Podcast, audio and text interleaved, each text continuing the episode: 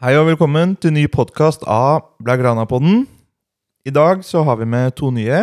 Det er meg, Daniel Sivertsen. Jeg har som regel sittet bak spakene, så jeg føler meg ikke helt ny. Men så har vi også en annen en. En skribent eh, i Blagrana. Robin Kollås. Velkommen. Hei, tusen takk. Også til vanlig så har vi jo Magnus. Han har ikke mista én eneste pod. Hei, Magnus. Hei, hei. Ja, i dag så skal vi jo prate om eh, ja, en del. Det er en del å ta opp. Veldig mye nytt i klubben. Vi kan vel starte med skadene. De har jo kommet som lyn fra klar himmel. Hva tenker du om det, Robin? Nei, jeg tenk, når jeg satt og fulgte med på landslagspausen, så var det liksom det kom melding på melding om spiller skadet i første to minuttene av kampen i nesten alle Nesten hver eneste dag. Så det var jo fryktelig deprimerende å sitte og se på, syns jeg. Eh, jeg er ikke så glad i de landslagspausene uansett, spesielt når det er tett kampprogram både før og etter. Så, så det var Ja, det var rett og slett kjipt. Mm. Det var spesielt ille nå når det er VM rett rundt hjørnet, og Ja. oktober har vel aldri sett travlere ut heller. Så du skjønte at det her eh, Det måtte jo måtte nesten gå sånn. Ja, det, det er jo meant to be, nesten. Ja. Det, ja, Murphys law. Ja, fordi ja, Som du sier, de tikka jo inn. Altså, Vi hadde jo to Barcelona-spillere ute i samme kamp i Nederland-kampen. Rett før så vi Kondé var 24 minutter, eller hva det var. Mm. Og så balla det på seg med resten seinere dagen etter. Men, og kampprogrammet nå blir jo relativt tøft. Hva tenker vi liksom at uh, vi tapte mot Inter nå? Det ser Mm. bekmørkt ut. Altså, vi må vinne resten i Champions League. Hva tenker vi om det, Magnus? Jeg tenker jo det som, Nå er det jo mange viktige spillere i viktige posisjoner som har ramla ut.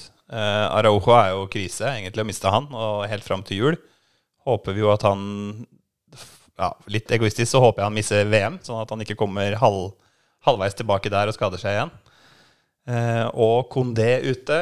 Da har vi jo enda en viktig brikke. Eh, vi har jo ja, Beirin er vel også skada, sånn at vi har ikke noen naturlig høyrebekk annet enn at vi må dytte inn på godeste Roberto på høyrebekk. Vi ser hvordan det gikk mot uh, Inter. Og så har vi da gode, gamle linja tilbake igjen, da, med Piquet og Alba. Og ja, hadde vi hatt Langlais på benken, så hadde sikkert han spilt òg, men da har vi jo da Garcia. Garcia blir det det. Mm. Ja, og Garcia i seg sjøl har jo mange gode egenskaper, men det å gå fram som en leder og være liksom tryggheten sjøl i en backlinje som skjelver, det, det, det er ikke hans sterkeste side. Så jeg er litt, litt skeptisk, eller over snittet skeptisk, med tanke på hvilken forsvarsrekke vi kommer til å stille i de neste veldig, veldig viktige kampene. Ja, fordi det er jo det, fordi vi har jo forsvarsrekka. Den er jo lamma som bare det. Vi forsterka den jo kjempemye for overgangsvinduet. Men vi har jo midtbanen nå. altså Der har vi jo en relativt god midtbane allerede. Men nå gikk jo Kessie ut med skade mot uh, Inter. Mm. Og så gikk jo Christensen ut med, Ja. mot Inter, så dette var jo ikke i landslagspausa. Ja. Mm. Heldigvis, kan vi jo ikke si heller, for dem. Men ja. Så, men vi har jo liksom Gavi er jo kjent for å spille godt og intensive kamper, altså høyt press. Pedri har jo spilt alt av kamper han kan spille, Mm. nesten. Mens du har Busquets. Og så er jo de Jong heldigvis ikke langt i skade, så han skal jo muligens være tilbake nå. Mm. Hva tenker du om liksom midtbanen sånn sett da? Jeg syns ikke Kessie var det største tapet uh, fra den skadelisten vi har nå, uh, med tanke på at han har vært helt midt på treet. Ikke imponert meg ekstremt i de kampene han har kommet inn. Um, så jeg tror du har en ganske satt midtbane der med Gavi, Pedri og Busquets.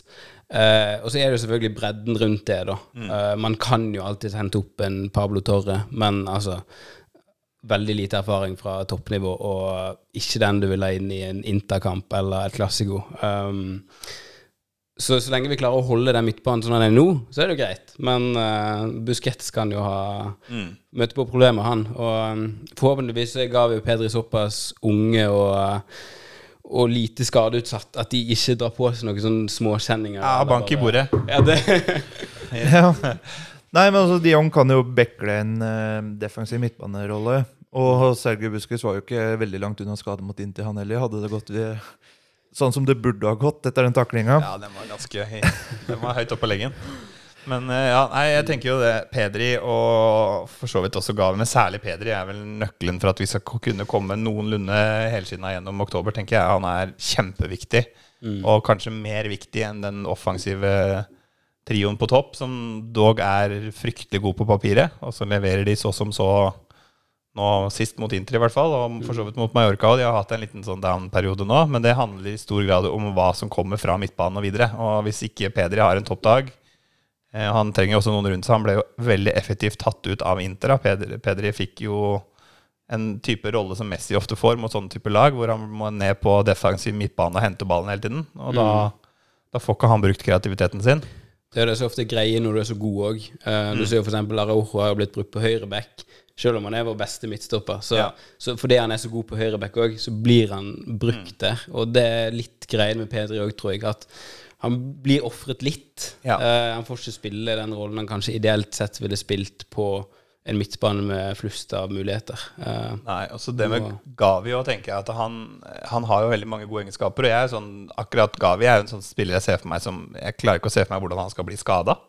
Altså, han er hodet inn i alle dueller først og har ingen HMS-tankegang i det hele tatt. Og ofrer alt, men han kommer seg alltid opp igjen. Det er helt utrolig.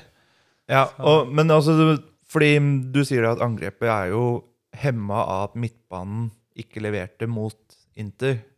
Og Det er jeg jo for så vidt enig i, men altså angrepet har jo én skade, og det er Memphis. Mm. Er det sånn at du nesten savna litt han mot Inter? At du kunne putta på han istedenfor Dembele ut mot slutten der, f.eks.?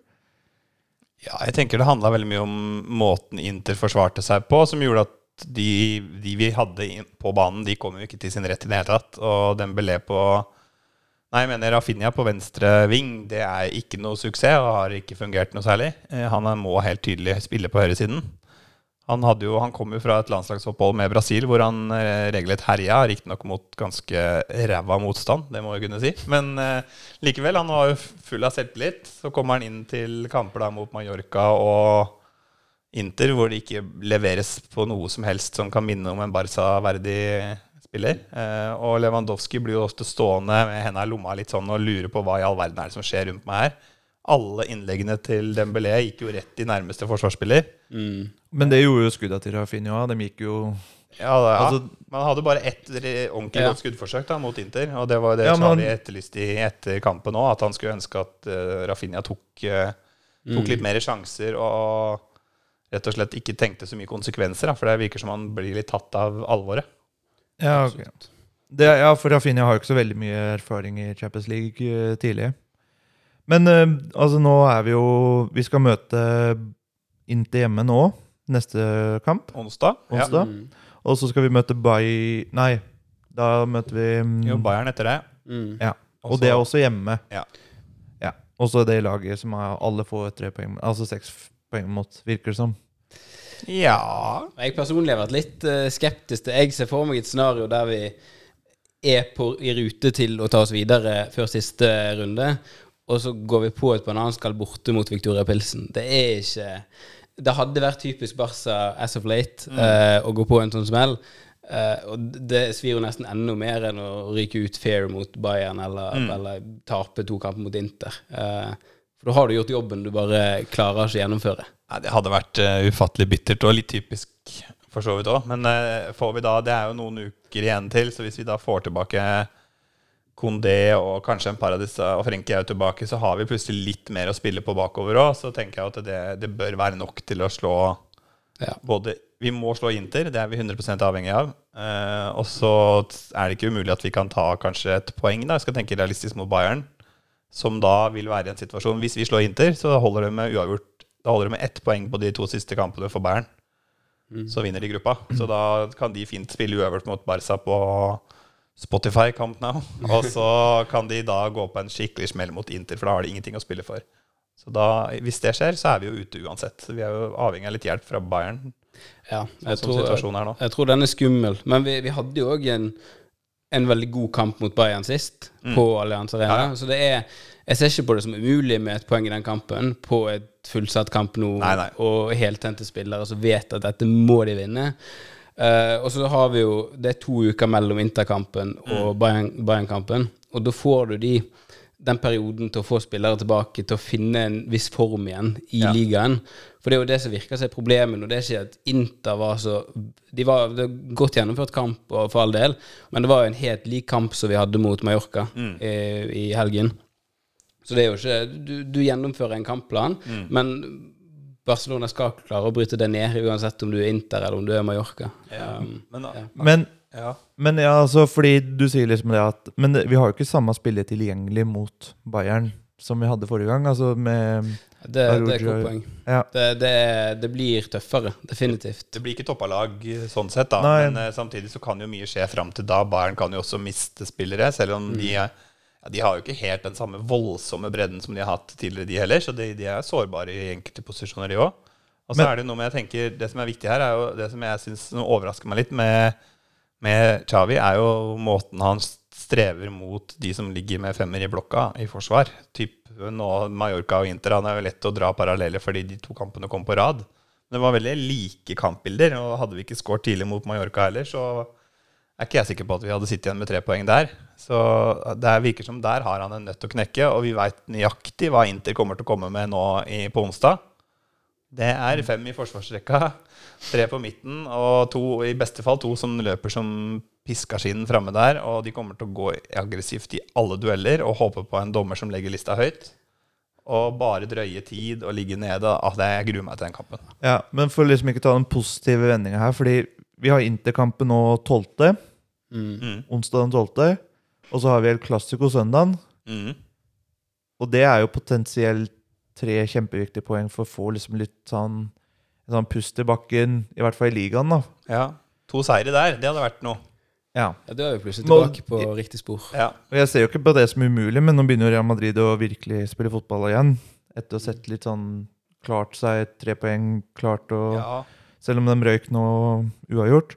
Så, og så kommer Bayern-kampen på tirsdagen der igjen. Nei, onsdagen der igjen. Ja. Ja, det er en, uke til det, men vi har Ja, okay. et tøft kampprogram med tror vi har Atletic Klubb og Via Real. Ja. Eh, Så i kommer. Valencia like etter der, som Valencia, ikke er noe kasteball heller. Nei, det er, det er tre tøffe kamper, da. Men det Ja. kan jo være en periode å spille seg inn for å ta den positive retningen igjen, da. Og spille seg inn i litt mot lag som ikke ligger med den femmerblokken Mm. bak. Ja. Eh, for vi kommer ikke til å møte det mot Bayern. Nei, nei. De kommer ikke til å legge seg med fem bak på kamp nå. nei. Eh, så det blir jo et annet kampbilde som kan, kanskje passer Xavi sin spillestil bedre, da. Ja, det er et godt poeng. Mm. Og i tillegg så er det noe med det å holde seg i flyten og møte gode motstandere over tid, som gjør at du får Mm. opp et høyere nivå i laget.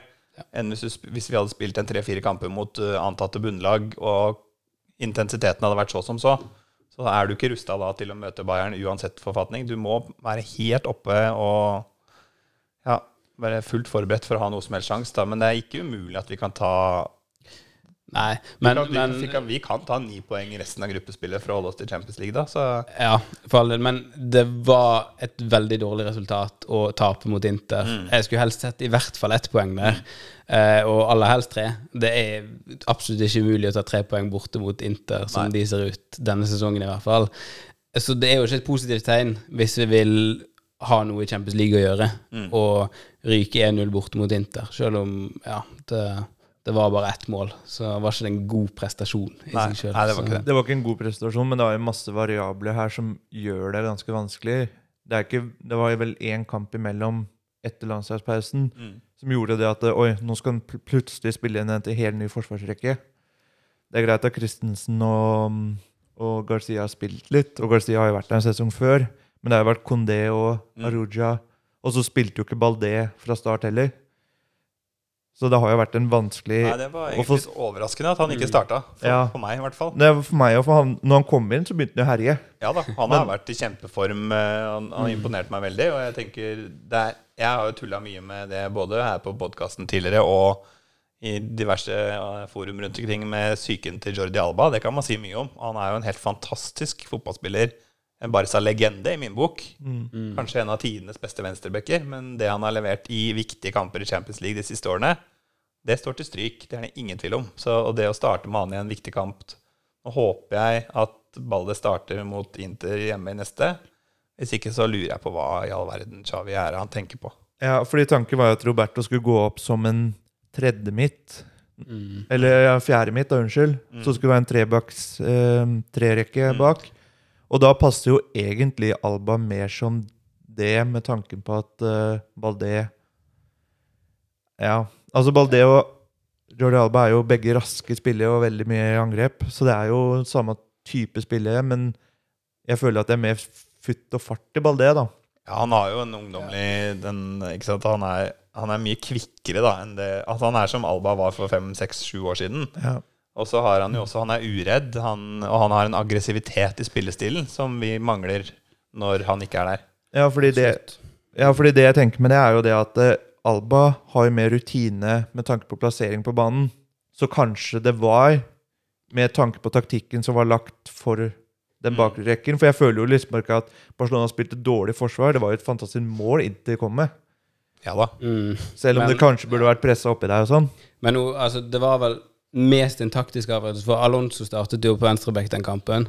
uh, og han kan gå inn i den trebacks uh, altså, Ja. som en venstre midtstopper hvis det skulle være ordentlig krise. Og der tror jeg ikke Balde passer i hvert fall ikke inn i den Nei, posisjonen. Og Alba er i grenseland. Eh, på, jeg ville ikke hatt han på venstre midtstopper. Han bør ha minst mulig inni 16-meteren egentlig å gjøre, defensivt. Fordi Mm. han både er litt sånn blind høne noen ganger og sparker rundt med beina. Han, har ikke, han er ikke, ofte ikke så veldig godt orientert bak seg, kan vi jo si. da. Eh, Nei, og ikke er han ekstremt god eh, offensiv. Det er jo der han har sin Ja. forse. Han er ikke en defensiv Nei, venstreback. Mm. Men, eh, men vi har jo selvfølgelig Alonso, som jeg glemte. Og så har vi jo jeg tenker, De kampbildene hjemme mot Inter, det vil forhåpentligvis så er det det, er jo det vi, eller det vi veit vi kommer til å trenge bakover, er jo fart. Ja, Vi trenger fart i forsvarsrekka. Og så skal vi da, hvis vi da har Busquets som en sånn som trekker ned som en ekstra stopper når vi angriper høyt, og så har du Piquet der Toppfarta til Piquet er jo Den er ikke til å tulle med. Men akselerasjonen hans, den kan du si hva du vil om. Det, det går ikke fort. Så har du Ja, Garcia er jo ikke noe råskinn på tempo, han heller. Nei, vi har raskere midtstoppere enn Og Sergio eh, Roberto Kanskje hvis vi starter da med Alba Nei, gud bedre. Nei, men altså kampbildet kommer til å være at Barcelona går i angrep, og så skal kontring. Så Buskus er jo fin å ha med tanke på den der mellompasningen på midtbanen når du skal flytte over spillet. Så er jo Buskus god nok. Ja, ja. Absolutt. Det er det defensive på kontringene som er Ja, det er det. Ja, det er- sårbare. det, Ja. Du, du må ha fart, som du sier. Og Mm. altså det, Alba har fart, Balde har fart, og der stopper den nesten Ja, dessverre. i forsvaret. Men så vi, kan jo, altså Mot Mallorca spilte vi vel Baldé på høyre back. ja, Det var, Ja, stemmer. han har i hvert fall prøvd i den posisjonen. Men jeg vet ikke om jeg ville kjørt Ikke mot Inter. den strategien mot Inter. Nei, men vi, Eh, nei. vi kan jo bruke For Frenkie de Jong er nok klar igjen til Inter-kampen. Mm. Det vil jeg tro. Så jeg vil jo tippe at da hadde jeg nesten heller kjørt han ned i stopperposisjon der, for han har mye mer fart enn en par av de andre vi snakker om. Jeg har hørt et par uh, Barca-tvitrere spekulere i de Jong på høyre back, men eh, det virker veldig uh, Virker ikke som en optimal løsning. Nei. Men jeg har sett det blitt nevnt. Eh, ikke at jeg tror Xavi kommer til å gå for, for en sånn løsning. Nei, men, da, nei, men da hvis han kjører uh, de Jong der som han kjørte Roberto, da Så tanken er enda den trebacksrekka, og så går venstrebekken opp. For han brukte jo eh, Daniel Alves mye sånn når han var uh, det siste halvåret. Mm. Men ehm, ja, vi kan hoppe videre, fordi vi liksom jeg, jeg har egentlig lyst til å prate litt mer om Interkampen, for det var jo Vi sier at Barcelona spilte dårlig, og at Inter for så vidt fortjente å vinne, men det var jo avgjørelse i kampen òg som var liksom Som tok litt overskriftene, da. Uten å putte noe mer på det. Mm. Så det var jo liksom Ja. Hjemme på kamp nå, der Barcelona har levert masse mål denne sesongen her er, Jeg føler jeg er optimistisk, i hvert fall. Ja da, de har vært sterke i serien hjemme, det er ikke noe tvil om det. Og de, Mm. de jeg synes jo ikke de, de imponerte meg ikke sånn grenseløst hjemme mot Victoria Pilsen i første kampen Nei. heller. Det, det så lenge litt seigt ut, men det løsna jo etter hvert. Og jeg tror starten på den kampen hjemme mot Inter, da, vi skal ta den, så det vil være altavgjørende. Hvis vi får et tidlig mål, kanskje to, Mm. så kan vi fort vinne 5-6-0 i den kampen der, for da kommer de til å rakne fullstendig. Det er i hvert fall min teori. Ja, For da går jo kampbildet motsatt vei igjen. Ja, og Inter er ikke spesielt sterke når de må spille på an annet enn sine egne styrker. Da faller de veldig fort igjennom. Sånn jeg har sett det, i hvert fall. Men uh, klart at får vi tidlig baklengs, eller at det holder 0-0 lenge, da, uff, nei, det blir, da blir det tøft. Og da vet vi alle at det er det som kommer til å skje. Det er det kampbildet vi kommer til å se. Ja, ja. Høyst sannsynlig. Ja. Men uh, Nei da, men vi får håpe på litt Lewandowski-magi. Altså at vi er litt heldigere med skjermbruk og diverse avgjørelser. At det bikker litt mer i vår favør neste gang. Og så tar vi, hvis vi tar tre poeng mot Inter, får en liten boost der, inn mot El Clásico Den kan gå alle veier. Vi er jo ofte sterkere på Santiago Bernabeu enn Ja, vi er hjemme. faktisk. I hvert fall vært de siste gangene. Så der jeg, har, jeg er forsiktig optimist, og det er ikke ofte jeg er. Så der kan vi fort også ta minimum uavgjort, eller kanskje seieren. Og da, da har vi plutselig en litt sånn hyggelig oktober i vente, da. Ja. Men det er jo som du sa i stad, eh, angående interkampene, at du er avhengig av en dommer som ikke legger listen for høyt. Og det var litt som du var inne på, Daniel, uh, uh, i introen her, at du, du, du kan ikke ende opp med en lik situasjon som som forrige kamp mot Inter, der alt går, og dommeren har en svak kamp, og det blir sånne ting som avgjør. Avgjør hvem som går videre. Eh, det er flaks og uflaks i stor grad, men det er så klart irriterende, og vi har alle vært inne på tanken om at, eh, om at det er veldig kjipt når, når sånne eh, Når de misser et straffespark til mm. til Barcelona og annullerer et litt suspekt eh, En litt suspekt annullering av et mål, da. Eh, så det er sånne marginer du må ha med deg da, i de kampene mot Inter, som jeg tror er, er viktig å få med seg. For det er ikke sånn at det er en feilslått strategi av verken Laporte eller Delvis Xavi, selvfølgelig, pga. det dårlige spillet, men det er ikke sånn at hele prosjektet er dødt fordi Nei, nei. vi, vi har litt uflaks i en kamp mot Inter og bomma litt på inngangen til kampen. Um, så jeg jeg tror vi ikke vi skal overreagere. Vi har veldig mye å gå på, og særlig det å spille mot de typer lag. Og det er det man trenger å kunne hvis man skal komme langt i Champions League. Det nytter ikke å komme inn der med sånn romantisk holdning og herje mot enkelte lag, og hver gang vi møter lag som er litt sånn vriene å spille mot, så stopper det. Og det går ikke. Og vi sliter også mot de lagene som er veldig aggressive. Typ sånn, altså Alle sleit jo mot Liverpool når de holdt på, på sitt verste, da. Ja.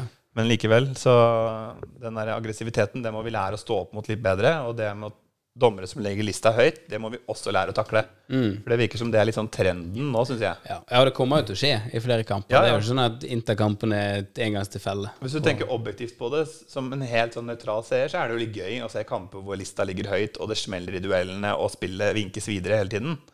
Men sånn for et rent Barca-perspektiv så tjener ikke vi så veldig på det, dessverre, akkurat nå.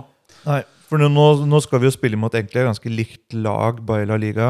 Atletico Bilbao, med en gammel kjenning i Valverde.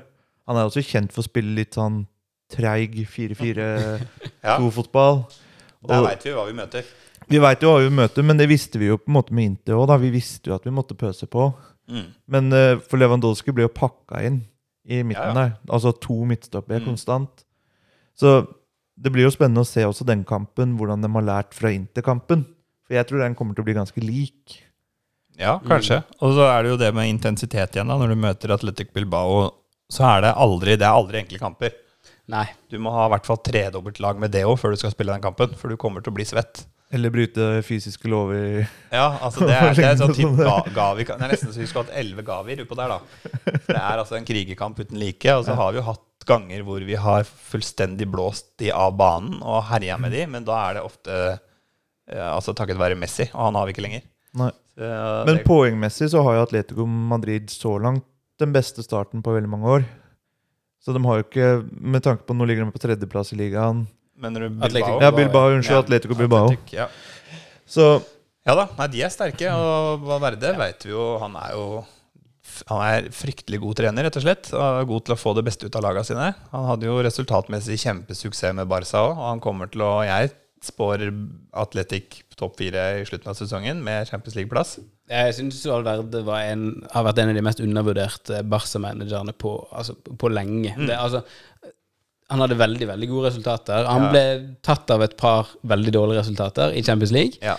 Men vi vant jo ligaen jeg vet ikke hvor mange ganger under han. Men det var, det var jevn høy prestasjon. Eh, så kan du si at spillet falmet litt, og at det kanskje ikke var det mest eh, sexy fotballen. Nei. Men ja, eh, han, han er en god manager, da. så når vi skal møte han nå, så er jeg, jeg er ikke sikker på at det blir Neida. Det blir i hvert fall ikke plankekjøring. Og jeg er ikke sikker på om det blir tre poeng heller. Eh, Nei, jo, Det var jo han som på mange måter snudde det der spøkelset vi hadde i mange bortekamper i, i serien. Hvor vi f.eks. borte mot uh, Lareal på, i Sociedad der, så var det jo Det var jo typisk Barca å gå på en smell der, helt fram til vi fikk Valverde. Og da begynte han å han, han var fantastisk til å få fram resultat. Så det, det er jo noe vi må se nå om Chavi klarer, samtidig som han opprettholder det med fokuset på eh, sin måte å spille fotball på. da For han vil nok ikke gå så mye på akkord med seg sjøl at han begynner med Valverde-ball, og ikke vil han passe til det heller.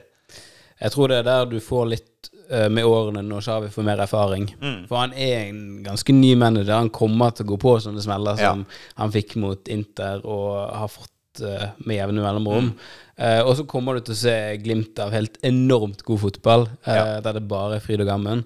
Uh, og det er jo det du håper å se mer og mer av, da. Mm. Um, så jeg tror Man må jo bare være tålmodig med det, men det er vanskelig å ha tålmodighet når du får et sånn kampprogram som vi skal ha nå i oktober Ja, ja. der det er fullt kjør, og sesongen kan i hvert fall Champions League-messig være over i oktober, og nesten ligamessig òg, hvis vi ryker mot Real Madrid og mister poeng mot Villarreal og Atletic Club. Og, ja, det, det er høy, høy risiko der. Ja, det er det.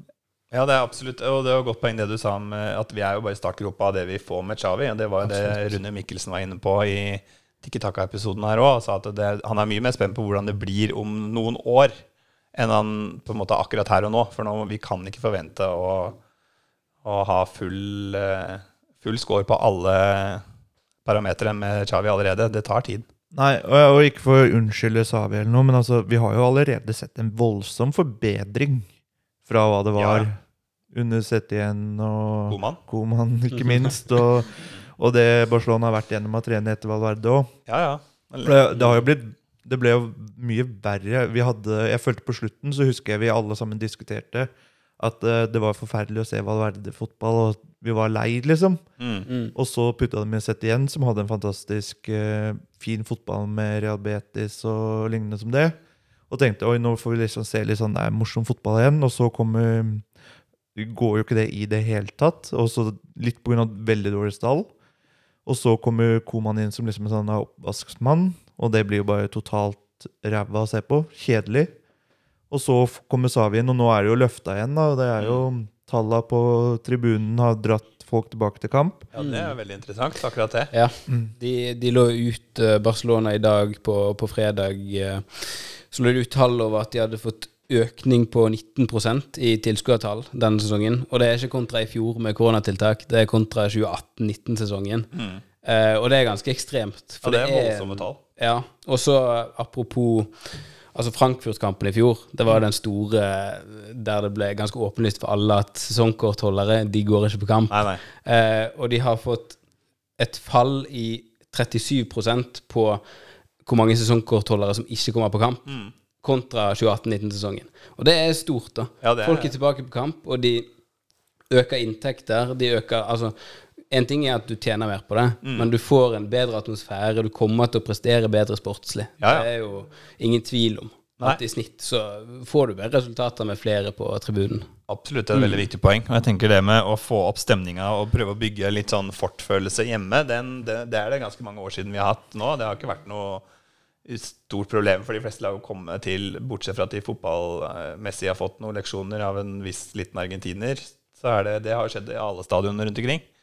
Så det å komme til Barcelona, og det har ikke vært noe sånn trøkk, på en måte, og det, der, det har ikke vært skummelt å møte hjemmepublikummet der, som stort sett består av turister og litt sånn derre eh, fuglefrøtyggende gamle pensjonister som ikke lager liv. Men nå begynner jo det å ta seg opp, og det, jeg kjenner jeg begynner å glede meg veldig til å reise ned og se kamper igjen. Ja, for jeg husker jeg var der nede og så kamp eh, første gang, og eneste, dessverre. Eh, og da var det jo liksom Messi! Messi! Hver gang han hadde ballen. Det var liksom det jeg hørte, og jeg satt bak kjernen av supportere. Så det var jo liksom sånn Men ja. Jeg vil jo snakke litt mer om det økonomiske òg, fordi vi har snakka mye om Champions League og skjebnen der. Men hva er faktisk konsekvensen med å ryke ut i gruppespillet, og eventuelt gå inn i Europaligaen? Ja, det har jeg prøvd å se litt på, da. Um, for det er jo veldig anslagsvis hva du faktisk får fra å, å gå videre i Champions League, og du får uh, penger per seier i gruppespill òg, så allerede der har jo Barcelona tapt penger. Ja. Jeg tror de får uh, 2,1 eller millioner. Ja, det er 2,8 millioner euro per seier. Og det er ganske stort når du ser på hvor mye Barcelona snur på 1 million euro eh, og prøver å få det til å gå opp.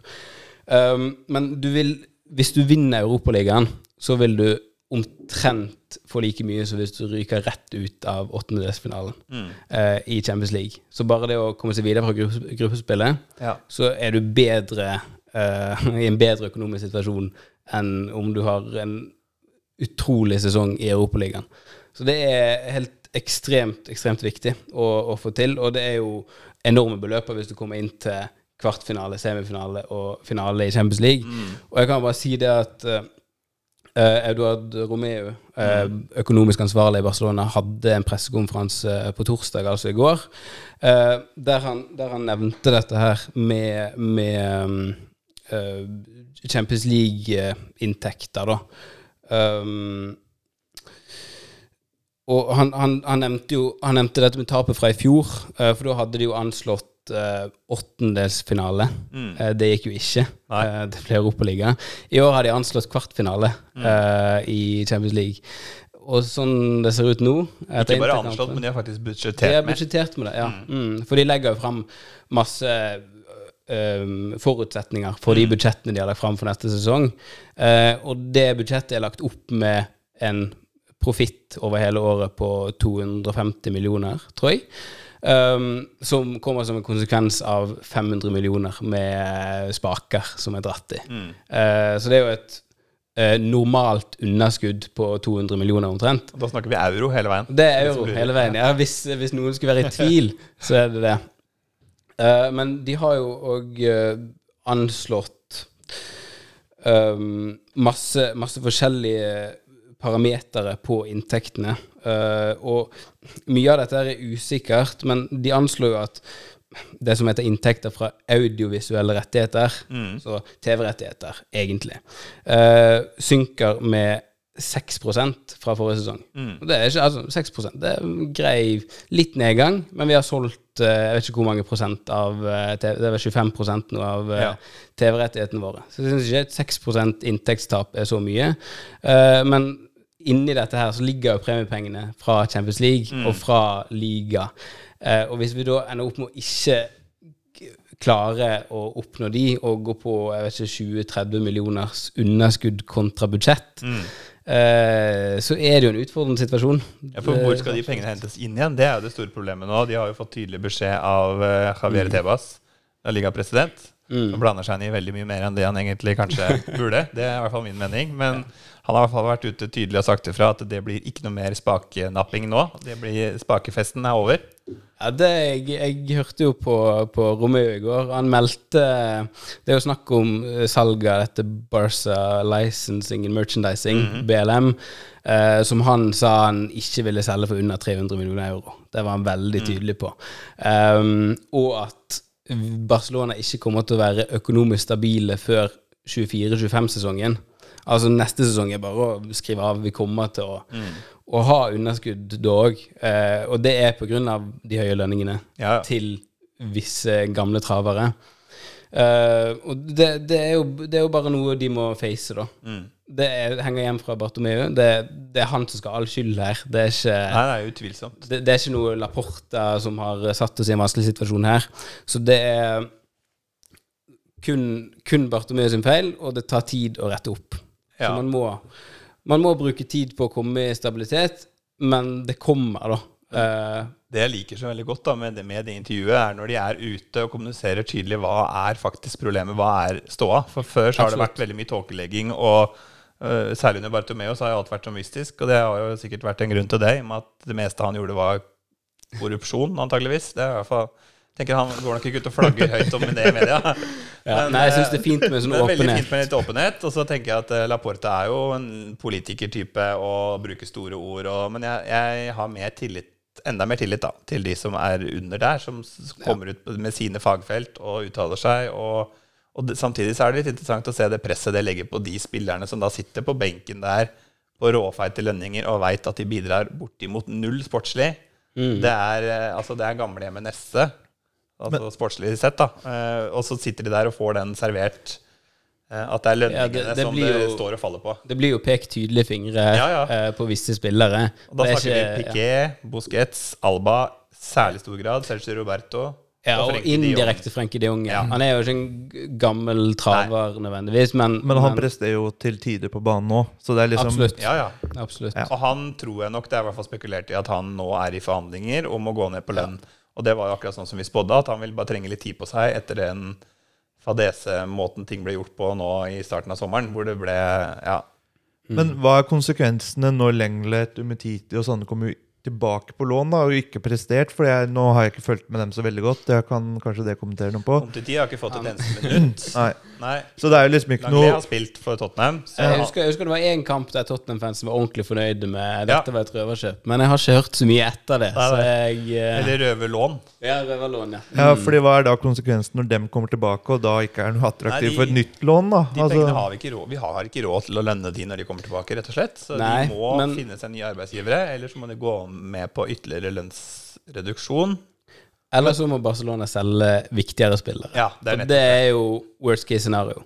men de har jo prøvd det med de Jong, altså ryktene sier i hvert fall. Men så, så er det større etterspørsel etter Pedri og Gavi og Ja Fati og Det er det litt. gjengen der. Og tenker jeg at Det de som er skumle. Anso Fati, hadde de solgt han nå i forkant av sommeren nå, Mm. eller tidlig på sommeren etter han har spilt en kamp eller to, så tipper jeg de kunne fått altså, en helt usannsynlig mengde penger for Anso Fati nå. Eh, Etter sesongen i år, hvor han kommer til å streve Mest trolig så kommer han til å streve hele sesongen med å få i gang kamprytmen. Det er ikke sikkert han noen gang blir den samme som han var. Han er eh, engstelig for å slå opp skader. Han spiller liksom på halv, halv maskin. Eh, han er veldig reservert, og det, han kommer til å falle i verdi som en stein gjennom sommeren. Og da gjenstår det da Pedri, mest sannsynlig, kanskje Gavi, som det går an å få mye penger for. Dembélé er det vel Ja, enten så Dembélé er jo muligheter. Selv om han hadde en dårlig kamp Ja, mot Inter, kanskje. så har han jo spilt relativt godt. Men han har jo igjen bare da ett år igjen av kontrakta til sommeren, sånn at han vil jo heller ikke få noe voldsom pris Du for. får det er Araujo da, i så fall, i Ja, forsvar. Og Frenke de Jong faller jo også i verdi nå fordi han ikke spiller fast. Eh, Så ja Absolutt. Men det, har jo, det var jo snakk om Messi tilbake til Barcelona og alt dette her, Mm. som i stor grad bare er spekulasjoner, for VM har ikke skjedd ennå. Det kommer til Nei, å- Det kommer til å diktere mye av hva som skjer i etterkant, da. Men der sier Edvard Romeu at det er plass i lønnsposten til Mm. Messi. Og vi vet alle hva type lønn Messi vanligvis har. Ja. Jeg vet ikke om han kommer inn på ti kroner i året. Ja, De har jo minimumslønning, da, som Daniel Absolutt, ja. Fikk, som er vel på Jeg husker ikke om det er, er det rundt 10 000 i uka, eller et eller annet sånt? Det kan være. Jeg, men jeg tviler jo på om Messi går inn på det, Uh, for å være helt kanskje. ærlig. Jeg tror han vil ha litt høyere, sannsynligvis. Ja da. Hvis, hvis vi skal være Og dette er jo spekulasjoner fra økonomisk ansvarlig i Barcelona. Mm. Og han kommer nok ikke til å budsjettere med eh, ja, en, en veldig lav lønn på Messi. Han Nei kommer til å legge det det, på en sånn snitt. naivt. Ja. Og når han hevder de har råd til det, så er det jo plass i lønnsbudsjettet på en eller annen måte, om, om det er fordi at uh, spiller uh, sine kontrakter går ut, eller hva det er. Men er det noen som går ut? For det er det jeg er nysgjerrig på. sånn Umutiti har jo vært i nå han, Jeg føles ut som 100 år for meg. At han, han bare sitter på benken. 26. Ja, for Ja, er forlenget jo kontrakten Ja. sin eh, finansielt, i hvert fall. Han blir vi rett og slett ikke kvitt, annet enn hvis han kjøpes ut. Og da tenker jeg at da, da må, handler det om å lage en god avtale med spilleren sjøl. Hvis han nå får et år hvor han ser at han han får rett og slett ikke Han får ikke en eneste mulighet da for en med all respekt såpass svak klubb som det er der han er nå, og ikke får spille, så kan man jo håpe at det går opp et lys for han sjøl. At karrieren dessverre er over, men du kan, du kan bli applaudert ut av Camp Nou på en måte hvis du tar en nå. Så redder, redder han litt av inntrykket, i hvert fall. Ja. Men er, tror du så Jeg er jo veldig egoistisk person av meg, så jeg hadde jo bare sittet der på lønningene Ja. og tjent de pengene. Hvorfor skal ikke han gjøre det samme når han så langt har jo blitt behandla dårlig? Altså, han, han, han er i sin fulle rett til, til å Ja. gjøre det. Og, og det er det jeg ikke liker helt med de som er ute og kritiserer Barca for å drive utpressing av Frenkie ja. de Jong og skulle ikke betale han lønn. Altså, Barca betaler lønnen, Mm. uh, og det er ingen problemer rent lovlig. Men de kan være åpne om å ønske spillere ut. Ja det er ingen tvil om at de ønsker Umtiti ut av klubben, f.eks. Med, sammen med, med flere. Så, så det, er ikke, det er ikke der det står, men det tar tid å, Ja. å snu et stort skip da, som Ja. er på vei i en retning, med økende lønninger. Og jeg, jeg tror veldig mye av det her handler om at uh, Samuel Umtiti sjøl Jeg har et sånn bakerst der et eller annet sted, så ligger det et sånn inntrykk av han som en veldig fin fyr. En herlig, ja. sånn, Han sånn skøyer, mye godt humør. Han er en veldig humørstyrt type. Og nå har han altså vært inne i en Sikkert mm, vært og lukta på en depresjon i ganske lang tid. Han får ikke spille. Det er fotball han elsker mest av alt. Du så jo det når han landet uh, Ja, presentasjonen til rørende og sto og grein foran Ja, ja. fansen. Hvor Og, mye det betyr for han. Ja. Og så får han igjen nå slag i trynet ved at han ikke får spille. Mm. På et eller annet tidspunkt der så kommer det nok til å gå opp for han at dette her dessverre går ikke. Og da handler det om å prøve å behandle han litt sånn menneskelig, og det Mm. jeg ikke om Jeg veit ikke helt om Laporte er rett mann til å ta den praten med han, men i hvert fall noen burde gjøre det. da, Og prøve å, å snakke med han på en ordentlig måte. Og det handler om også respekt for Han var jo en av verdens beste, eller kanskje verdens beste stoppere en periode. Han var Ja, en vant fantastisk- VM, han var jo med Champions ja, ja. League. Og så har han tatt et valg selv som vi ikke kan sitte her i Mjøndalen og kritisere ham for. Eh, når han valgte å offre potensielt ofre klubbkarrieren for å ta et VM-gull, som det endte opp med, da, så kan man på en måte forsvare at det var Jeg skjønner valget hans, eh, Ja. men eh, ja. Ja. Så nei, økonomisk sett så er vi tynnslitt i lang tid framover. Det visste vi jo. Eh, Og så er det noe med å se på hvor akutt blir krisa da, hvis vi ryker ut av Champions League nå. Og vi veit at de spillerne vi har, de kommer ikke til å motivere seg 100% inn i Europa League. Det kan vi bare se bort ifra med en gang. De kommer ikke til å vinne Europa League. kommer ikke til å vinne Europaligaen, nei. Det er garantert. Eh, Da er det mer sannsynlig at Bodø-Glimt gjør det. Oi, selv etter Arsenal. Ja, ja, ja. Nei da. Men eh, fra spøk til alvor. Jeg tror vi, er nok helt avhengig i sånn økonomisk, og kanskje også for litt sånn sportslig verdighet òg, at vi kan opprettholde et eller annet viss form for selvrespekt ved å komme oss videre i Champions League nå. For vi skal ikke være et europaligalag. Ferdig snakka. Og vi har Absolutt. alle stadionene vi reiser til, så møtes Barca altså fullstendig uten respekt. Det er ingen lag som møter Barca med respekt lenger. Nei. Som de hadde i den beste epoken med Pep Guardiola, hvor lag møtte opp livredde Ja. og hadde tapt allerede pga. det. Men nå er det stikk motsatt. Alle øyner et håp om å slå Barca. Og den respekten der, det må vi vinne tilbake. Absolutt. Men det tar tid, da. Ja, Det, Og vi har jo spillerne til å skremme òg. Altså Lewandowski står jo ganske godt an i skåringsformen, Ja, eh, ikke minst. Han har levert. Pedro har levert. Men eh, ja, vi er El Clásico på søndag, Magnus. Hva skjer da? Nei, det blir spennende å se. Både sportslig, men ikke minst eh, kan man kalle det ut noe sportslig. Vi har i hvert fall vi i Blagrana vi har nå tenkt å fire ganger en event hvor vi samles inn i Oslo og eh, ser kampen sammen. Skape god stemning. Eh, Vi i Blagrana har også tatt ansvaret for å smelle opp en quiz med premier. Det kommer også til å bli Ja, det kommer mye mer informasjon om dette her på hjemmesiden fortløpende. Men vi håper jo flest mulig som bor i nærheten av Oslo og har mulighet og lyst til å komme inn. Og gjerne treffe oss og slå av en prat. Og det har vært veldig hyggelig. Så vil vi ha færrest mulig Real Madrid-fans. Nei da, vi vil ha god stemning, og jeg tenker jeg gleder meg til kampen. Jeg er jo som sagt da forsiktig optimist, særlig med tanke på at jeg er på Santiago Bernaleo, som det så populært har blitt døpt om til. Treningsanlegget til Barcelona. Ja, så vi satser på at den trenden opprettholdes. Og så For å bare ta det veldig veldig kort nå om eh, El Clásico. Så møtte vi jo Real Madrid for fjor. Mm. Eller i i år, da. møter i hvert år. Forrige sesong. Ja, Så var det jo Aubameyang da som Ja, gjorde det. det Så det, ting kan jo skje. Det vil jo bli et helt annet kampbilde. da. ja, det var jo en, en stor lagprestasjon, syns jeg. Ja. Uh, det var ikke nødvendig. Aubameyang satt kronen på verk, og Ferran Torres oh, skåret mål. Og, Aubameyang der. ja, ja. Jo, men når Ferran Torres skårer, da er det Da er det, da er det, Da er flytdag. Da er det. Men eh, vi, jeg, er, jeg er optimistisk før kampen. Jeg, jeg tror vi har en mulighet. Mm. Jeg tror ikke det er sånn at fordi at vi spiller litt dårlig mot Mallorca og Inter, så, så har ikke vi mulighet til Nei, å nei. slå Real Madrid, selv om de er i en flyt. Ja, det, det, er helt, eh, det er helt åpent, sånn jeg ser det. Vi ligger likt på poeng òg, og Ja, ja. leder vel på, på målforskjell eh, per Klar målforskjell. Ja, Åtte, og- poeng, nei, åtte målpoeng eller noe. Og der har de jo også den psykologiske effekten. Den, den har jo bare seg sitt, i sin favør akkurat der. På Bernabeu. Der har vi altså hatt et så balletak på Real Madrid i lang tid nå at den tenker jeg at det er nok de som kommer inn i den kampen mest nervøs. Har mest å tape. Eh, og så er det jo heller ikke usannsynlig at det blir et eh, uavgjort resultat med begge lag scorer for de som spiller pods. Det er jo ikke helt Nei, Jeg satser på en målrik kamp, og med det så tror jeg vi sier ha det for i dag. Det var veldig hyggelig å ha deg her på besøk i Mjøndalen for Blagrana på den.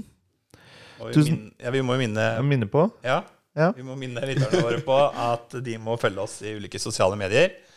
På, Vi har jo en oppretta Discord-kanal som heter Blagrana, hvor vi har mye liveinnhold, og bl.a. at vi kan sitte og se kampene sammen. Eh, Livechat underveis i kampene. Det er veldig populært og veldig, veldig artig.